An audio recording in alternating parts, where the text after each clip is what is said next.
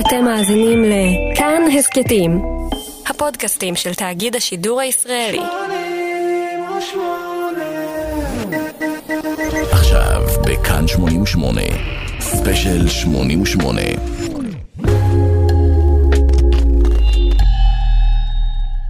בסוף שנת 1970 השמועה פשטה בעיר. לד זפלין התפרקו. השמועה הייתה כמובן שטויות, אבל הנהלת הלהקה היא זו שיצרה את השמועה. המנהל האגדי של הלהקה רצה ליצור מסתורין סביב האלבום הבא, ופשוט העלים את הלהקה מעין הציבור. הם לא התראיינו, הם ויתרו אפילו על שידור לווייני כלל עולמי בערב ראש השנה החדשה. שידור שהיה מכניס ללהקה מיליון דולר וחשיפה עולמית, אבל הגישה הזאת יצרה שמועות שמא אולי בעקבות הכישלון היחסי של את זפלין, הלהקה התפרקה. אחרת איך היא ויתרה על כזאת הזדמנות? אבל האמת הייתה שלד זפלין פשוט לקחו הפסקה מההופעות והחלו לעבוד על האלבום הבא.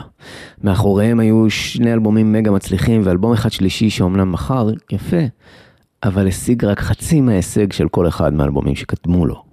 המבקרים והקהל היו חצויים, שכן הלהקה הזו שתויגה כלהקת רוק כבד, פתאום יצא למסע חיפוש מוזיקלי, ואותתה לעולם, אנחנו יותר ממה שאתם מכירים. ובכל זאת, האלבום הבא ישבור את כל שיא המכירות של הלהקה בפרט, וכמה וכמה שיאי מכירות בכלל. אבל זה לא שלד זפלין התפשרו, הם פשוט הגיעו לראשונה בחייהם המוזיקליים, ויש שיגידו גם לאחרונה בחייהם המוזיקליים, לאיזון המושלם בין כל ההשפעות שלהם. I think this is a song of hope.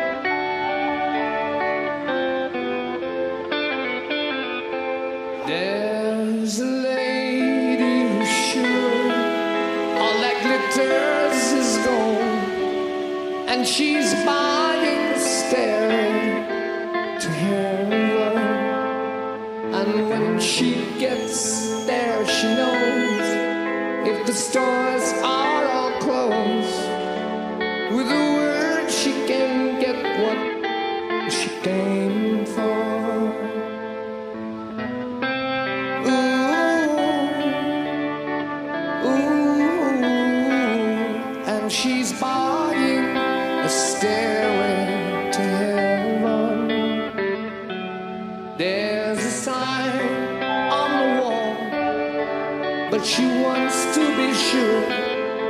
Cause you know sometimes words have two meanings.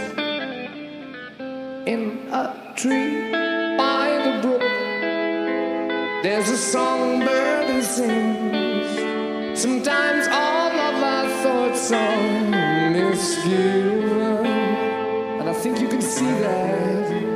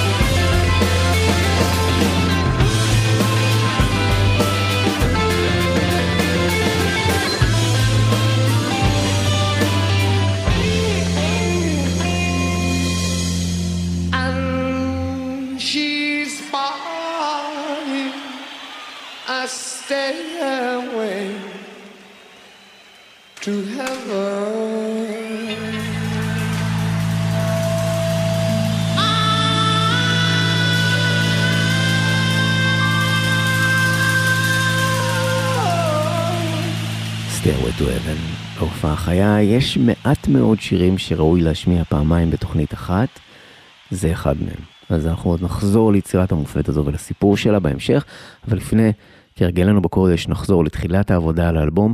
רק נגיד קודם שלום ותודה, שלום לכם כאן 88, ספיישל 88, תודה לגיל מטוס, עורך לוח השידורים של אה, ספיישל 88, כאן תומר מולביטזון איתכם, והפעם אנחנו עם סיפורו של האלבום הרביעי של לד זפלין. עד כה הקדשנו תוכנית לכל אלבום, אם לא האזנתם אז חפשו את התוכניות האלו, אחרי שתאזינו לתוכנית, אל תעזבו עכשיו. טוב, את העבודה על האלבום הרביעי, לד זפלין התחילו במקום בו הם אה, התחילו את השלישי. רוברט פלנט וג'ימי פייג' חזרו לקוטג' מהמאה ה-18 בהרי ווילס, שם הם הקליטו את אה, האלבום השלישי, שם הם אה, כתבו את הרעיונות לאלבום השלישי, ושם הם פיתחו גם את הרעיונות לשירים הבאים, והקליטו סקיצות על מכשיר הקלטה קטן. את הסקיצות, את הסקיצות האלו הם הביאו לאולפן עם בונהם ופול אה, פול, ג'ון פול ג'ונס, וארבעתם לקחו את הרעיונות לשירים והפכו אותם למציאות. הפעם הלהקה נכנסה לאולפני איילנד בלונדון, אבל הסשנים האלה לא היו מוצלחים כל כך, ולכן הם בחרו לשוב לאחוזה בהמפשייר אנגליה. הדלי גרנג', האחוזה שבה הם הקליטו, גם, עבדו גם באלבום השלישי, האחוזה הזו נבנתה בסוף המאה ה-18, שימשה, שימשה בית יתומים, ובמאה ה-20 אה, הוסבה לב- לבית חזרות עבור להקות ומוזיקאים שרצו ליצור בסביבה ירוקה, שקטה וטבעית. זפלין לא רק הפכו את זה למקום לחזרות, הם גם הקליטו שם.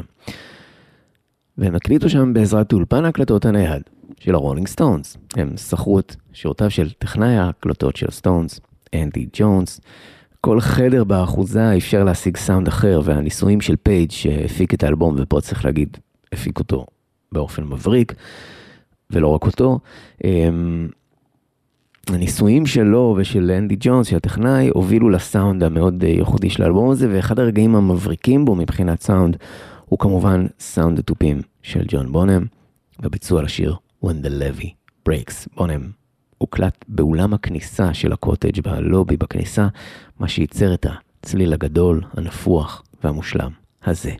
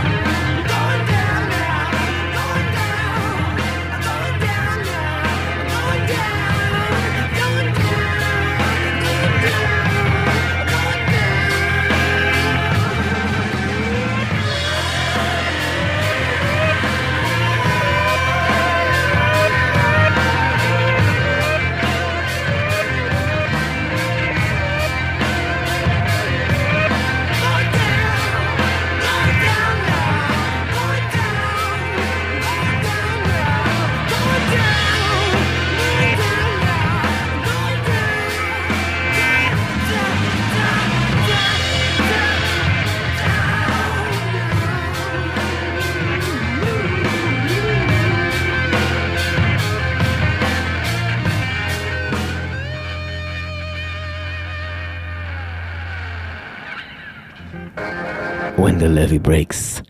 איזה סאונד, אה? איזה סאונד מושלם. אחת הסיבות לדרמטיות והגרנדיוזית של ההקלטה הזו היא שזפלין האטו את ההקלטה במיקס הסופי. זאת אומרת, הם לקחו את מה שהם הקליטו והורידו לזה הילוך.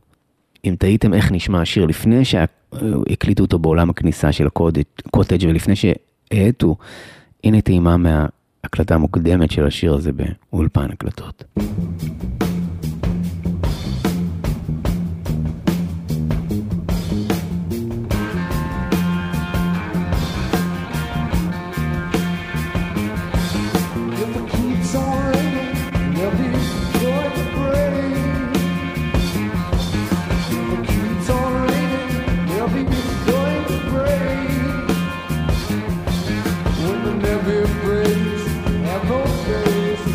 עולם אחר, אה? When the levy breaks אה, הוא השיר שסוגר את האלבום הרביעי של אה, זפלין, את המסע המופלא הזה שעובר בגן עדן. אנחנו מסיימים במשכנו של השטן, הבלוז, השורשים של זפלין ובכלל.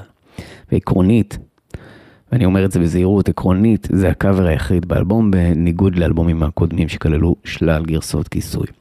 את השיר כתבו זמרת הבלוז ממפיס מני ובעלה קנזס ג'וי מקוי, ששר אותו ב-1929, שנתיים אחרי אחת הקטסטרופות הנוראיות של ארצות הברית, The Mississippi Flood of Spring אה, 1927. הגשמים היו כל כך עזים שהסכר נפרץ ומדינות הדרום הוצפו, מיסיסיפי, קנטקי, לואיזיאנה, ארקנסו, לצד אילנוי הצפונית.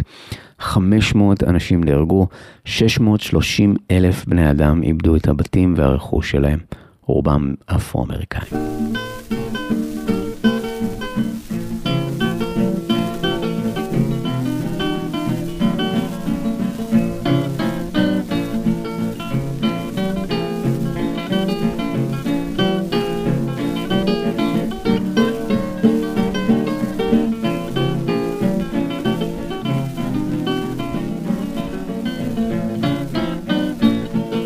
Keeps on raining, levee's going to break.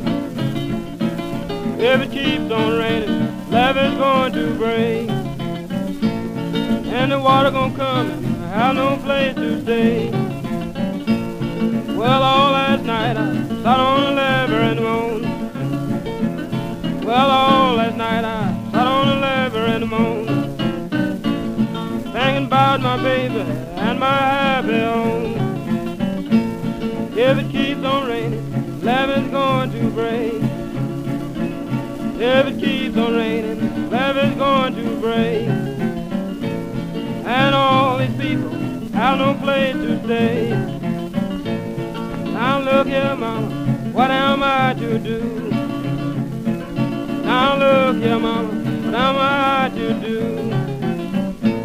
I ain't got nobody care my trouble to. I works on the ladder, mama both night and day.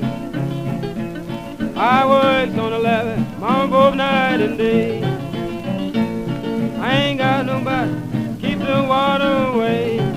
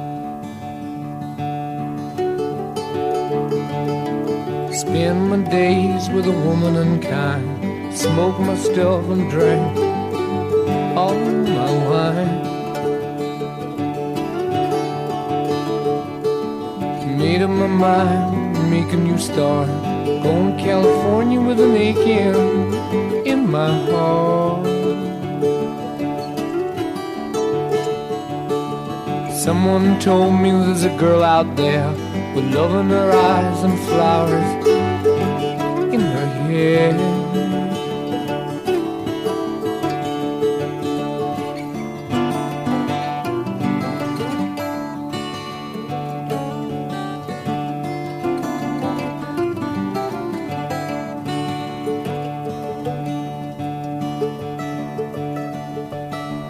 Took my chances on a big jet plane. Never let them tell you that we're all the same. Oh, the sea was red and the sky was gray. Wondered how tomorrow could ever follow today.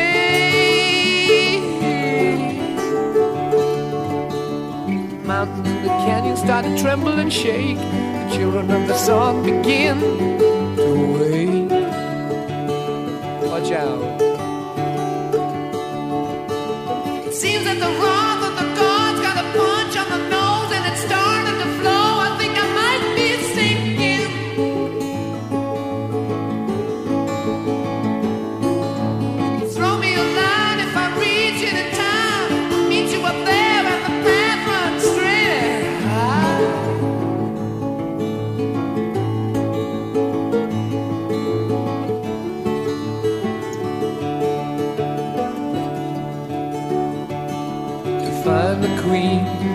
without a king. They say she plays guitar and cries and sings.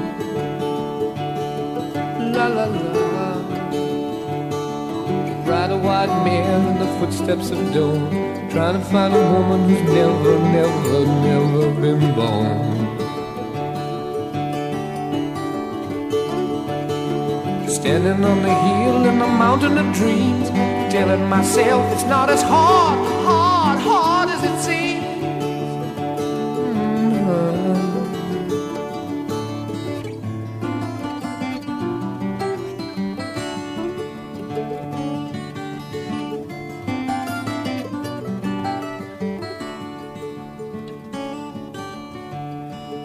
California, לד זפלין. עוד שיר שרבים חושבים כי הוא נכתב בעקבות אסון טבע בארצות הברית, רעידות האדמה המפורסמות בקליפורניה 71. השמועה שהשיר קשור לכך נטועה בעובדה שהלהקה נסעה לקליפורניה כדי למקסס את האלבום בסאנסט סטודיו, איפה שהביץ' בויז הקליטו את Pet Sounds והדורס את אה, אלבום הבכורה שלהם. ג'ניס את Pearl ועוד רבים רבים רבים, אבל הם ממש לא היו מרוצים מהתוצאות. הציוד היה חדש, זאת אומרת, אנדי, הטכנאי אנדי ג'ונס עבד באולפן הזה לפני כן, לכן הוא רצה ללכת לשם, אבל כשהוא הגיע הוא גילה ששיפצו את כל האולפן, החליפו את הציוד. פתאום הם לא ידעו איך לעבוד שם, הוא לא ידע בדיוק מה קורה שם, הם עבדו והם חזרו לבריטניה עם ההקלטות ונחרדו מהסאונד שהם הפיקו. שם ב-LA זה היה נשמע להם טוב ברמקולים חדשים שם, כשהם חזרו זה היה נשמע להם רע. וזה דחה את אה, הוצאת האלבום ביותר משישה חודשים, כיוון שזפלין כבר התחייבו למסע הופעות מתוכנן, הם לא יכלו לחזור לאולפן. אז האלבום היה אמור לצאת באפריל 71.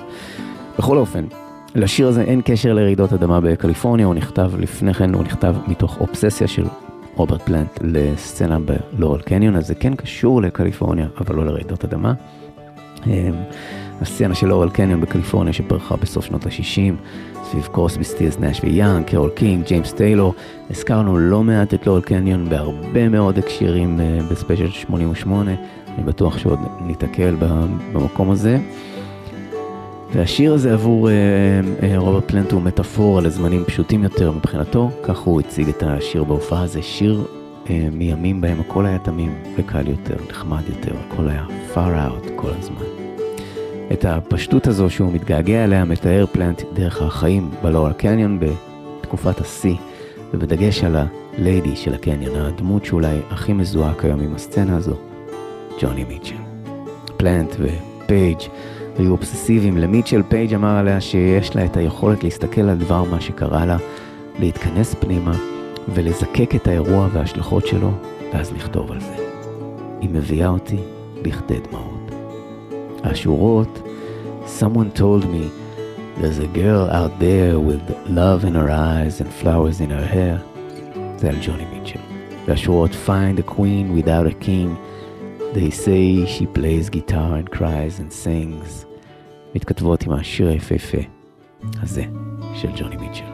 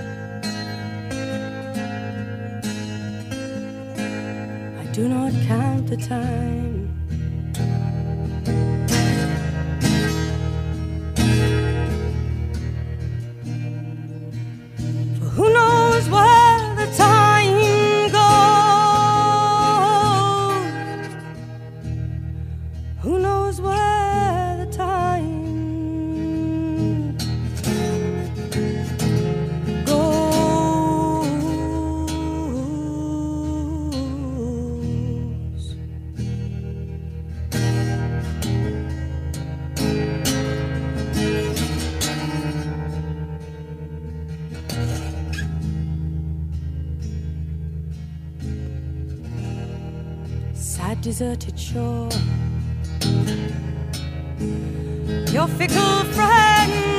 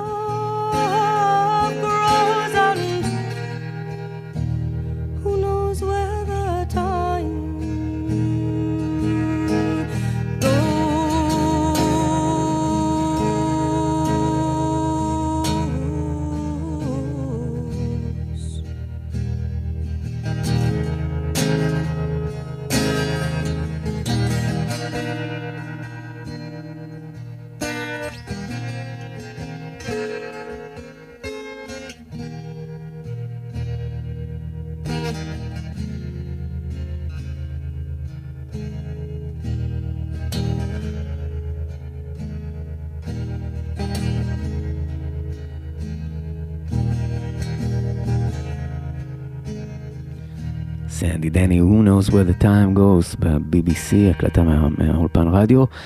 סנדי דני מהיוצרות החשובות והבולטות של הפולק הבריטי בסוף שנות ה-60, תחילת שנות ה-70, הייתה מאלו שדחקו ביוצרים הבריטים לחזור אחורה למוזיקת העם הבריטית ולא להסתכל רק על אמריקה ויוצריה. וזפלין, כידוע, פלרטטו גם עם הפולק האמריקאי וגם עם זה הבריטי. מה שבא לידי ביטוי באופן מובהק יותר באלבום השלישי, שבגינו הקהל והמבקרים הרימו גבה, כן, בגלל הפולקיות הזו, מה קרה לרוקנרול, מה קרה לבלוז. אבל האלבום הרביעי, לעומת זאת, כלל את כל העולמות האלו באופן מאוזן יותר. אולי, אולי זה, זה סוד על ההצלחה, הקסם של האלבום הזה. סנדי דני הייתה חברה טובה מאוד של רוברט פלנט, והיא מתארחת באלבום הרביעי של זפלין. אה, למעשה האישה היחידה ששיתפה פעולה עם זפלין באולפן הקלטות. אה, מעניין מה זה אומר, בכל אופן. אה, השיר הזה, שיר שזפלין כתבו, הוא נשמע לחלוטין כמו שיר עם בריטי, אבל הם כתבו אותו, הוא נשמע כאילו הוא נוצר לפני שהם נולדו, אבל הם כתבו אותו, זה קרה במקרה בערב באחוזה בה הם עבדו על האלבום, כשכל חברי הלהקה ישבו סביב האח ושתו כוס תה, וליד ג'ימי פייג' הייתה מונחת מנדולינה של ג'ון פול ג'ונס, ופייג' מעולם לא אחז במנדולינה לפני כן, אבל זה פחות או יותר מה שיצא לו כשהוא החל לשחק איתה.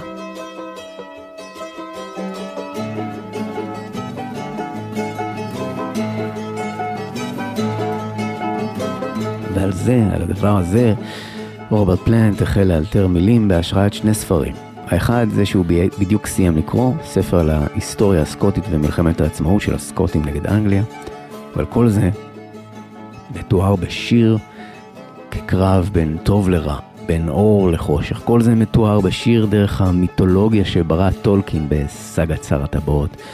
אראגון, אנגמר, אוויין, תיאודן, סאורן, כולם מוזכרים כאן באופן מרומז, לא בשמותיהם המוכרים, אלא במעין כינויים כאלה. אה, אה, זה כמו ברמבל און, מהאלבום השני, טולקין, מככב בעולם של זפלין, שוב ושוב, ו-The Battle of the Palandia Fields, מהספר שיבת המלך של טולקין, הופך ל-The Battle of Evermore. The.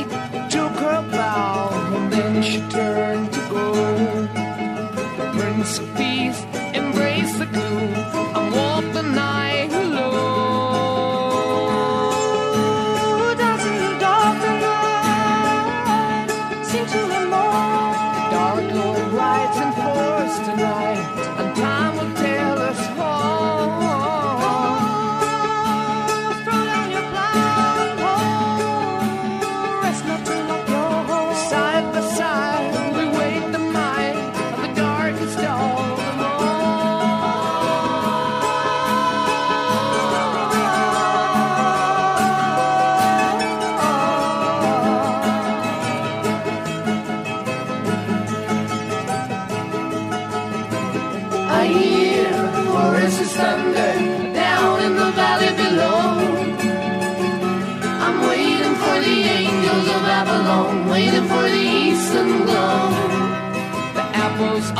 the valley, oh, the seeds of happiness.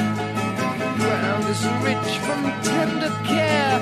Repay, do not forget. No.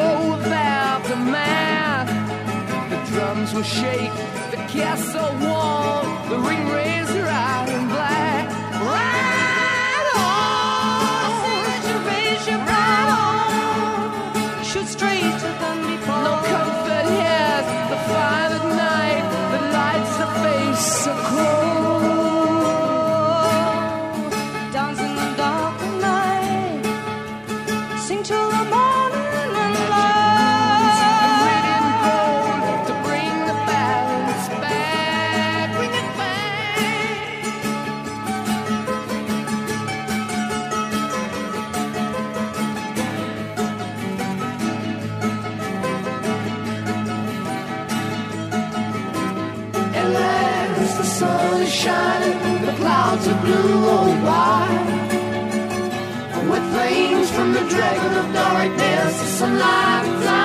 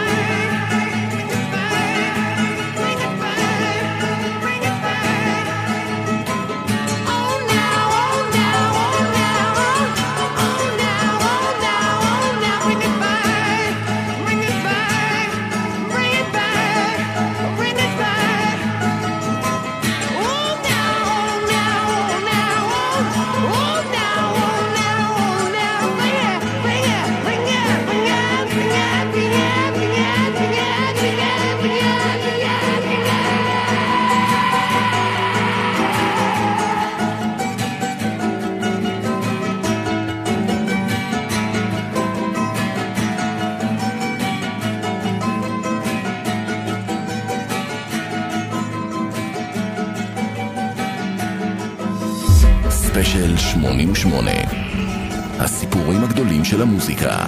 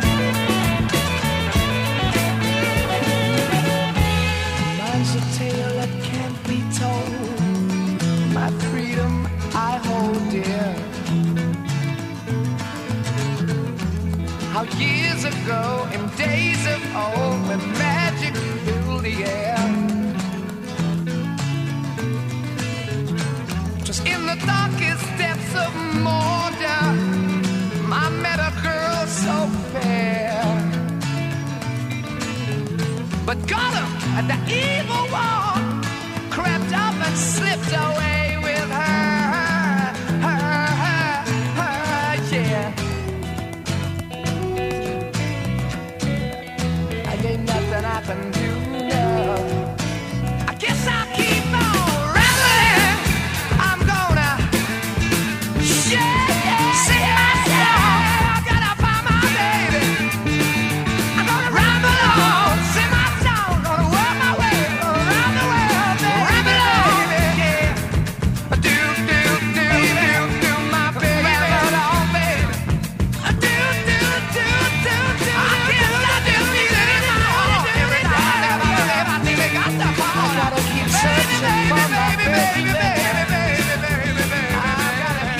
Ramble On, לד זפלין, אה, קפצנו רגע לטולקין של האלבום השני.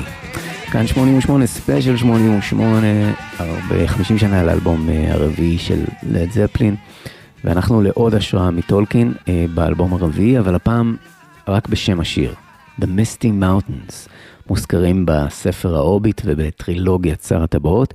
רוברט פלנט משתמש בהם כמטאפורה למקום אליו הוא רוצה לברוח, כי ויתר על החברה המודרנית.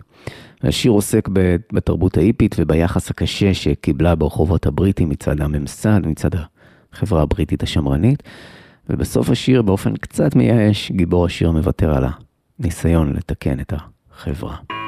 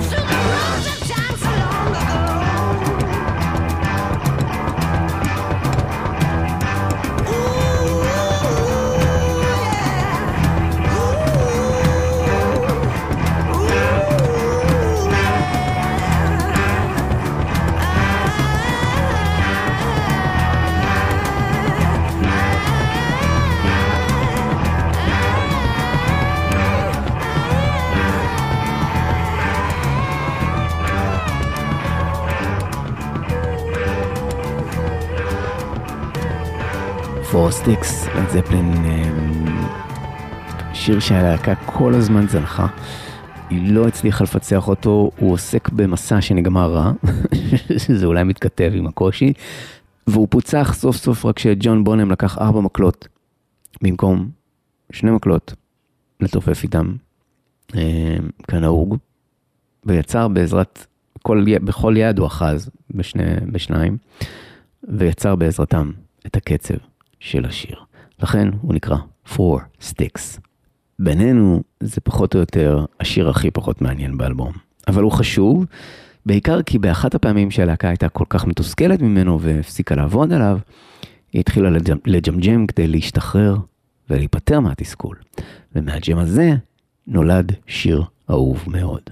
היה זה ג'ון בונם שהתחיל את הג'ם כשניגן את הטיפוף של המתופף צ'ארלס קונו. בלהיט של ליטל ריצ'רד משנת 1957, Keep on Knocking.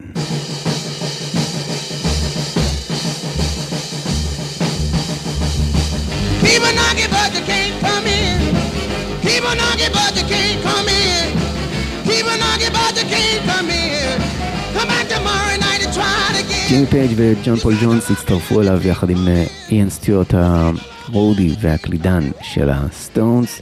אה, סטיוארט הביא את אה, ואן ההקלטות של הסטונס לאחוזה של זפלין ועזר להם להקליט בעזרתו. הוא היה למעשה אחד מהחברים הראשונים בסטונס. הוא פוטר בידי המנהל שלהם שחשב שהמראה שלו לא מתאים לתדמית של הלהקה. לכן סטיוארט הפך לרודי ונגן אולפנים של הלהקה. והג'ם על השיר שהתחיל on Knocking התפתח לכדי שיר חדש, ורוברט פלנט כתב לו את המילים הנפלאות על בדידות, כישלון, אהבה ורוקנרול. הלהקה כמובן הלכה עד הסוף עם המחווה לימי ראשית הרוקנרול עם אפקט אקו על קולו של פלנט, אפקט שאלוויס ואחרים נהגו להשתמש בו, ואגב זה ידוע שבונם מתופף ענק, אבל בעיניי השיר הזה רק מחדד את זה.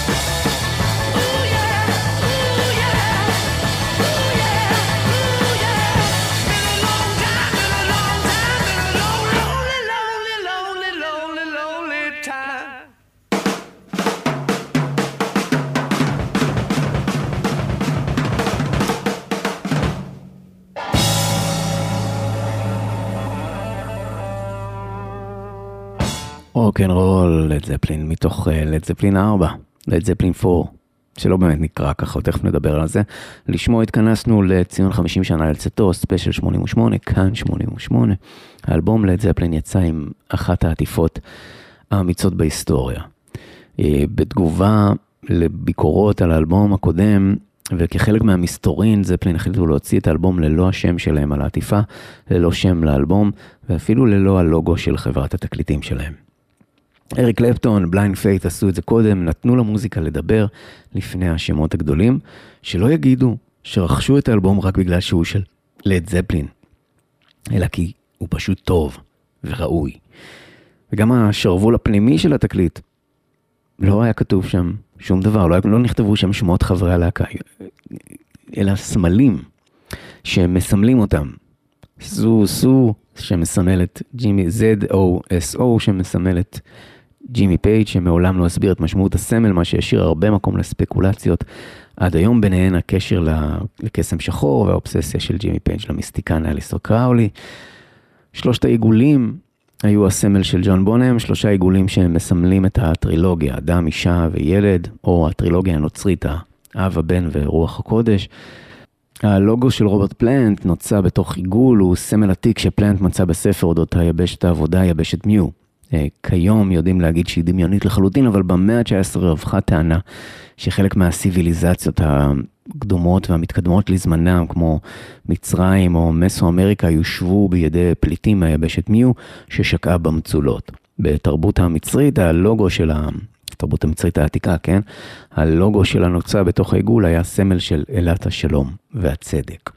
הסמל של ג'ון פול ג'ונס לקוח מספר אודות סמלים, אה, העיגול ובו שלוש צלליות בצורת שקד מסמלות את איבר המין הנשי, שמשמעותו הסמלית היא בריאת העולם. זה לפחות על פי, על פי הסנסקריט. על פי הספר בו חברי זפלין מצאו את הסמל הזה, הוא מסמל אדם מוסמך שבטוח בעצמו. וזה ג'ון פול ג'ונס, לא? העטיפה הקדמית והמפורסמת של האלבום היא צילום של צילום. צילום שתלוי על קיר של מבנה מפוברק, ב, אה, אה, מפורק, סליחה, בפרברי, בפר, בפרברי, בפרברי בריטניה. אה, את התמונה הזו שתלויה על הקיר של המבנה המפורק, רוברט פלנט מצא בשוק. ג'ימי פייג' מסביר שהאיש הזקן שמצולם בתמונה הזו כפוף, מוביל אסופת עצ- עצים על גבו. התמונה מסמלת את החיבור הטבעי לטבע, המעגל בו אנחנו לוקחים ומחזירים לטבע, כפי שהחיים צריכים להיות ולא כפי שהם כעת. האיש הזקן והרכון מסמל בקלפי טר- אה, אה, קלפי טארוט שג'ימי פייג' אהב, כמו רבים מבני דורו שגילו לפתע את תרבות המזרח. האיש הזה, הזקן, מסמל חוכמה מיסטית ואמונה עצמית. כשפותחים את התקליט, נחשפים שוב לדמותו של הזקן, הפעם בציור בו הוא עומד בפסגת ההר עם מקל ועששית שבתוכה צללית של מגן דוד אה, שמפיצה אור. למרות שזה לא בדיוק, זה כן מגן דוד, אבל זה לא מגן דוד, כלומר אין שם חור... זה לא, לא ממש נכנסים למה הסמל הזה, אבל...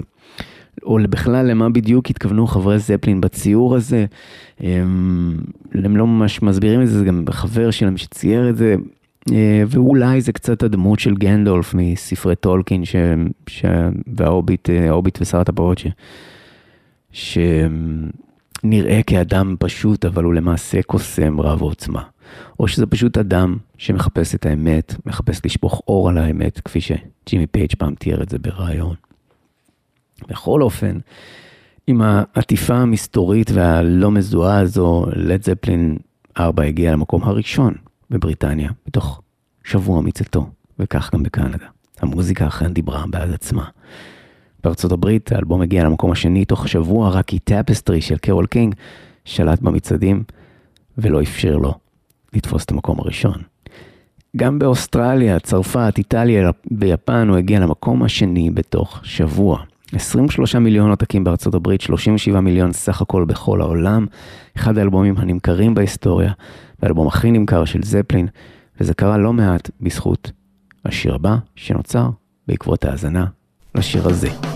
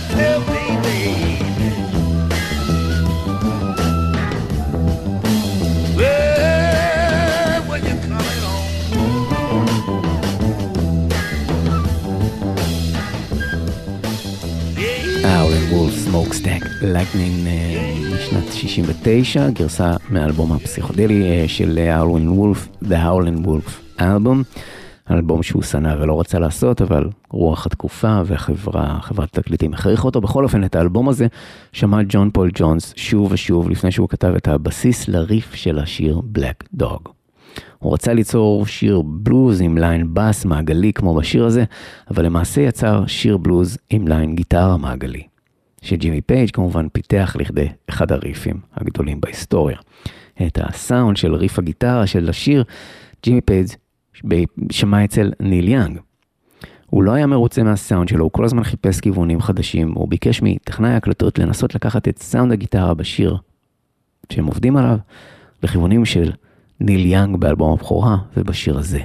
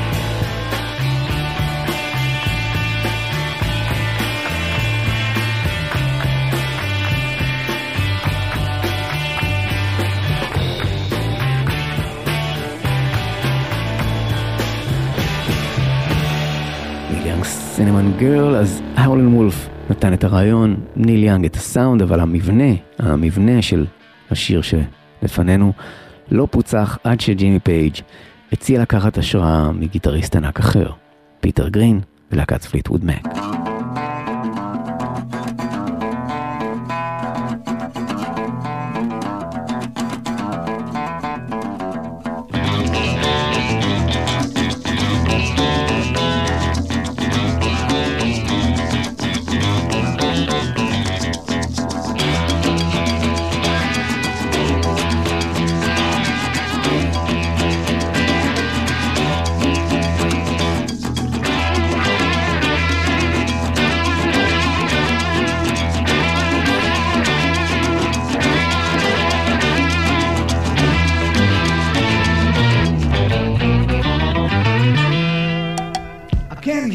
The shape I'm in. I can't sing, I ain't pretty, and my legs are thin. But don't ask me what I think of you. I might not give the answers that you want me to.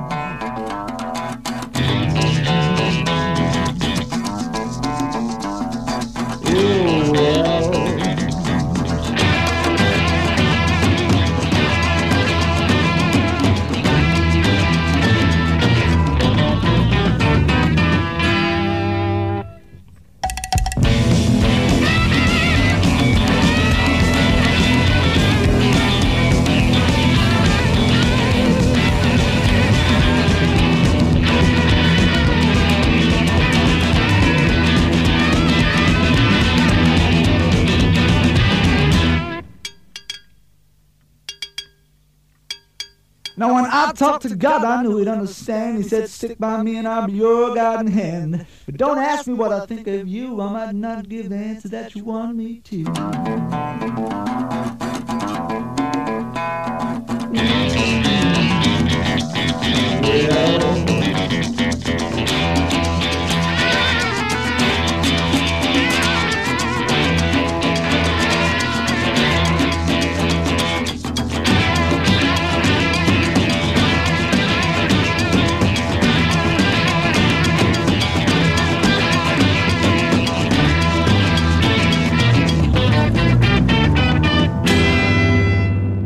Well, Part 1 של פליטווד מק, השיר ממנו זפלין השאילו את המבנה של שיח בין להקה לזמר, הפאוזות האלו, וגם באווירה, האווירה של אורוול זלגה לשיר Black Dog, אבל עם כל הכבוד למוזיקה, ויש הרבה, מה שעושה את Black Dog זה כמובן רוברט פלנט. ההגשה וה phrasing שלו הם פסגה בשיר הזה. המילים הם כמובן בהשראת שיר, שירי בלוז על האישה הרעה והמתעללת, ושם השיר בכלל לא מופיע במילות השיר. באחוזה בה זפלין עבדו על האלבום היה כלב לעבודור, שכל לילה היה נעלם כדי לבלות עם הכלבה של השכנים, הוא היה חוזר תשוש ועייף. הוא היה נח וישן כל היום, ואז נעלם שוב בלילה. והצבע של הכלב הזה, ניחשתם נכון, היה שחור.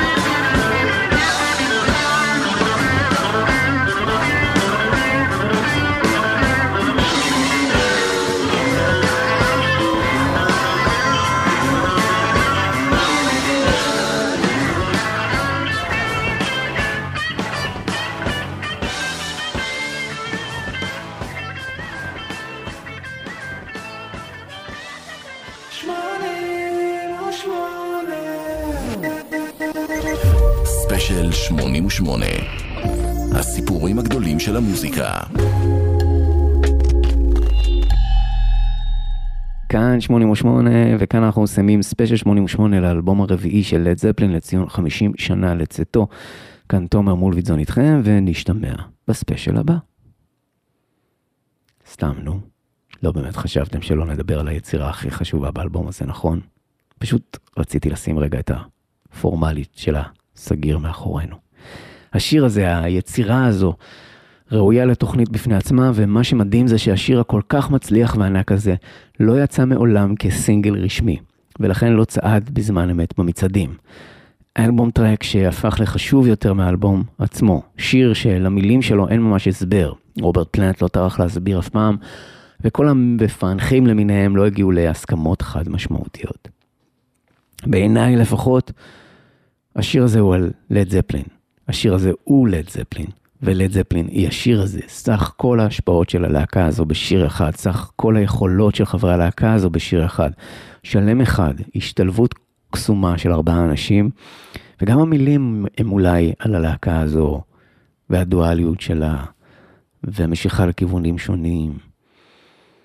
לא יודע. תיאוריה שעכשיו אני מפתח בראש תוך כדי שאני מדבר איתכם. אבל גם המילים, המילים באמת, והמילים של השיר הזה הם מסתוריות ומיתיות, כמו שירת אלפים דמיונית מספר של טולקין. הרי זה שם ההשפעה של טולקין בשיר הזה. ההשפעה של הספרות שרוברט פלנט העריץ. הכל יצא ממנו בשיר שעל פי ג'ימי פייג' הוא כתב, רוברט, ב-15 דקות. פלנט מספר שהשיר כתב את עצמו ביום, ביום בו הוא היה מתוסכל, וזה פתאום יצא עם עיפרון על דף. דמיון מפותח מיזג בין היסטוריה למיתולוגיה, דת ופילוסופיה. זה שיר שלוכד אהבה ותשוקה למיתולוגיה, למשהו נשגב מעל כולנו, לחיפוש אחר אמת, משהו נצחי, משהו עילאי, קתרזיס. והמוזיקה משרתת באופן מופלא את הקתרזיס הזה, כי היא נכתבה לפני המילים. והמילים הושפעו מהמוזיקה ומהרעיון של ג'ימי פייג' ליצור שיר שמתפתח והקצב בו משתנה בהדרגה והוא מתחיל אקוסטי ונגמר חשמלי, הוא מתחיל בחיזור ונגמר בחדר המיטות.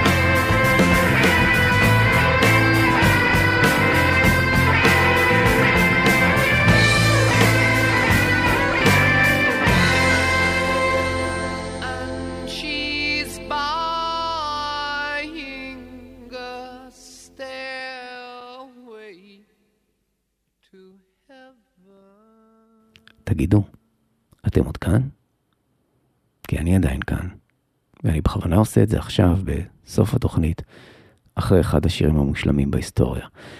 לא רציתי לזהם את ההאזנה לו בשיח המתיש האם זפלין גנבו כאן או לא גנבו כאן. אז נעשה את זה עכשיו. ג'ימי פייג' לא גנב את הפריטה בשיר מהגיטריסט רנדי קליפורניה ולהקת ספיריט. קודם כל, אני הראשון שיצביע על לד זפלין ויגיד גנבים. תאזינו לשלושת הספיישלים הקודמים, איפה שהם אשמים שמנו זרקור ענק.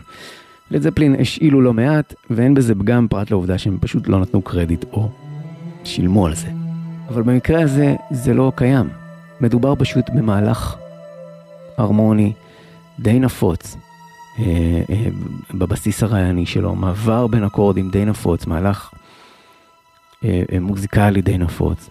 הטענה לפלגיאט מכוונת במקרה של סטיירי טו אבן לשיר טאוס משנת 68 ולעשר שניות בו שמגיעות אחרי 42 השניות הראשונות.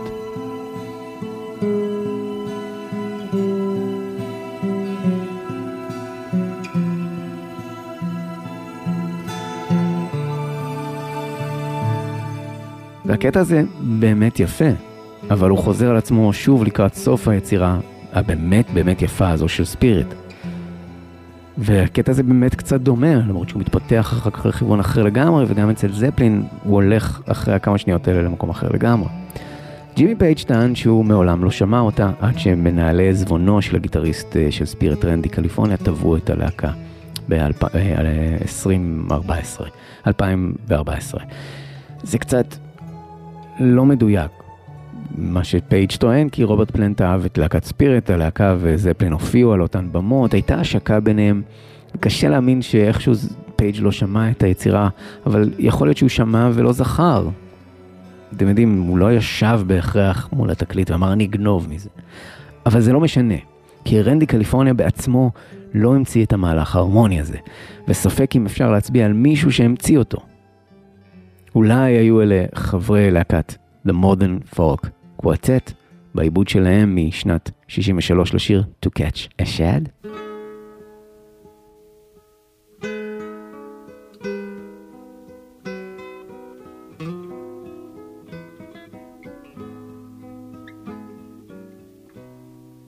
That old jackfish swimming up the stream asked that jackfish what did he mean.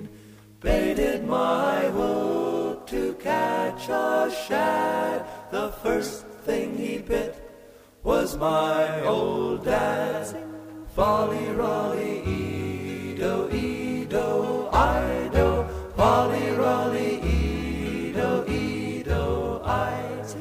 Folly, rolly, edo, edo, ido. Folly,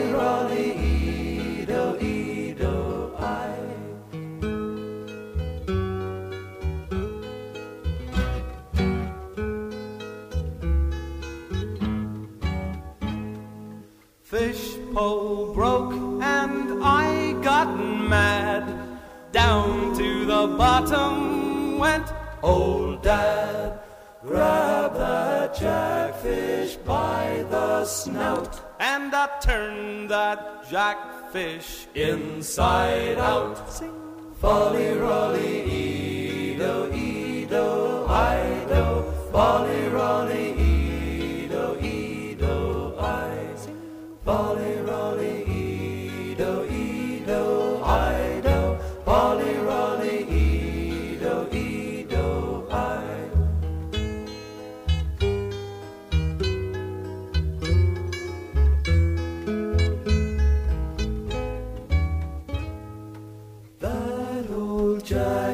jackfish swimming up the stream asked that jackfish what did he mean. Baited my hook to catch a shad. The first thing he bit was my old dad.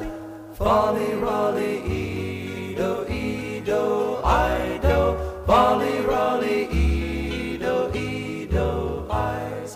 Folly, Folly, Raleigh, Edo, Edo, I. Edo, I. Edo, I. או שאולי זה בכלל דייב גראם בעיבוד שלו משנת 59 לסטנדרט קריימי ריבר שכתב ארתור המילטון.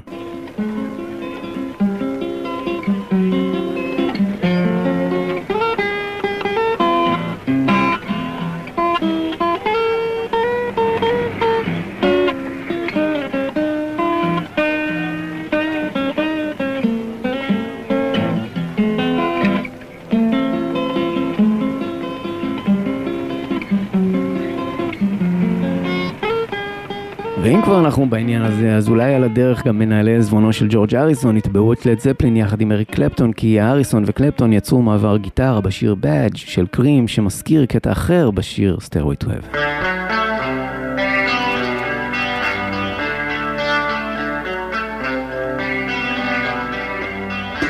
או שאולי אריסון צריך לתבוע את עצמו יחד עם חברי הביטלס.